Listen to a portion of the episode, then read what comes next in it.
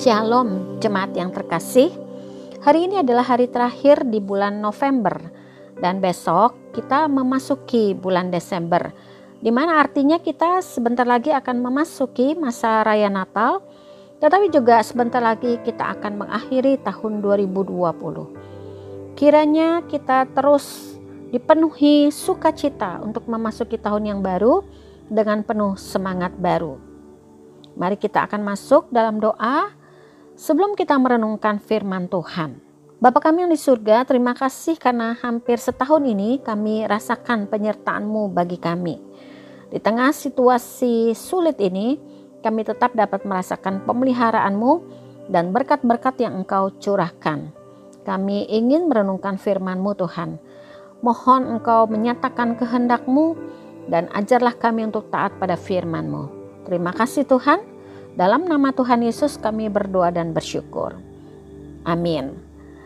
Tema kita hari ini adalah pengharapan mesianis. Firman Tuhan terambil dari Yesaya pasal 32.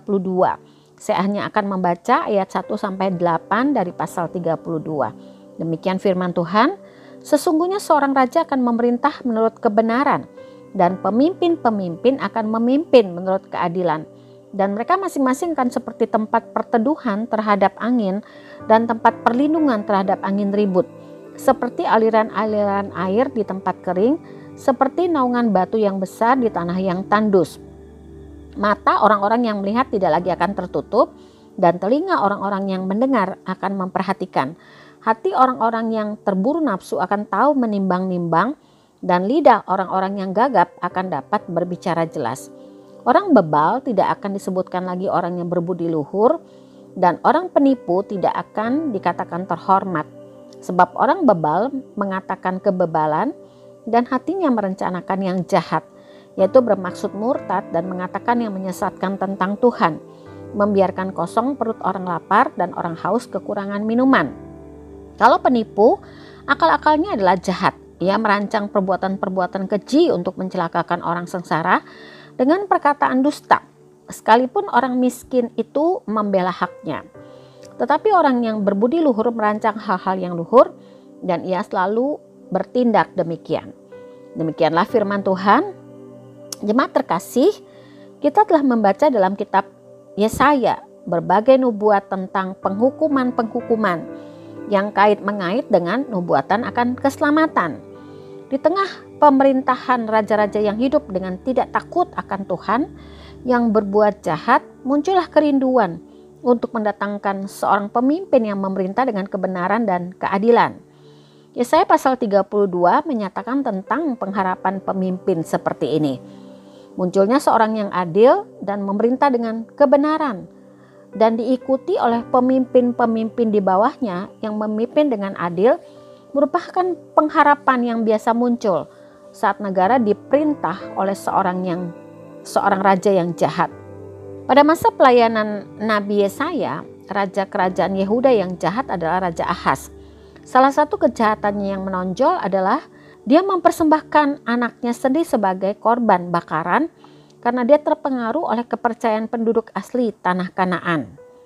Dituliskan dalam 2 Raja-Raja 16 ayat 2 sampai 3. Pengganti Raja Ahas yaitu Raja Hizkia adalah seorang raja yang baik. Namun, kerusakan moral yang terjadi pada masa pemerintahan Raja Ahas masih meninggalkan pengaruh yang buruk. Raja Hizkia sendiri belum mereformasi kerajaan Yehuda secara total. Ibadah masih tidak sungguh-sungguh dan pengiriman utusan untuk meminta bantuan bangsa Mesir guna menghadapi serangan bangsa Asyur merupakan kelemahan Raja Hizkia. Dan itu membuat Tuhan tidak senang dan itu membuat dia juga tidak bisa memenuhi syarat untuk menjadi raja yang ideal. Oleh karena itu, kemunculan seorang raja yang memerintah dengan adil dan menurut kebenaran lebih tepat bila dikategorikan sebagai satu pengharapan mesianis. Jemaat yang terkasih, siapakah raja yang adil ini? Tidak satupun raja-raja Israel atau Yehuda yang sepenuhnya menggenapi gambaran ini. Dalam Perjanjian Baru, Yesus Kristuslah yang dapat disebut sebagai raja yang adil itu. Hanya Tuhan Yesuslah yang berani mengatakan bahwa dia adalah kebenaran.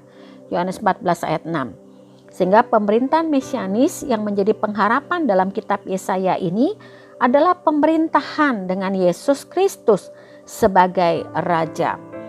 Dalam bulan Desember ini kita kembali akan memperingati kelahiran Yesus, Sang Juru Selamat manusia. Yesus datang menyelamatkan manusia dari dosa. Dosalah telah merusak seluruh pemimpin dunia ini dengan terjadinya peperangan, kejahatan, dan kerusakan-kerusakan lain yang mereka timbulkan. Yesus akan datang untuk kedua kalinya membawa kelepasan sepenuhnya dan kerajaan yang utuh ketika ia akan memerintah sebagai raja segala raja. Jemaat yang kekasih, namun saat ini kita masih hidup dalam uh, bangsa dan negara Indonesia.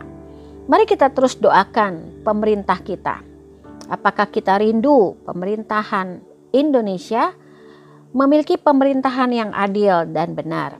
Masyarakat hidup dengan damai, satu dengan yang lain saling menghormati, tidak mudah terpancing berita bohong atau provokasi dari si jahat.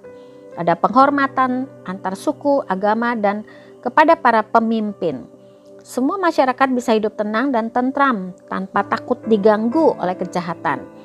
Ketenangan ini akan membuat setiap penduduknya dapat bekerja dengan aman tanpa merasa takut untuk berkarya. Pemimpin-pemimpin yang melakukan keadilan dan kebenaran akan menjadi berkat bagi orang sekitarnya. Karena ayat 2 mengatakan mereka masing-masing akan seperti tempat perteduhan terhadap angin dan tempat perlindungan terhadap angin ribut. Seperti aliran-aliran air di tempat kering, seperti naungan batu yang besar di tanah yang tandus. Sehingga terjadilah apa yang dikatakan pada ayat 17 dari pasal 32 ini, di mana ada kebenaran, di situ tumbuh damai sejahtera dan akibat kebenaran adalah ketenangan dan ketentraman untuk selama-lamanya.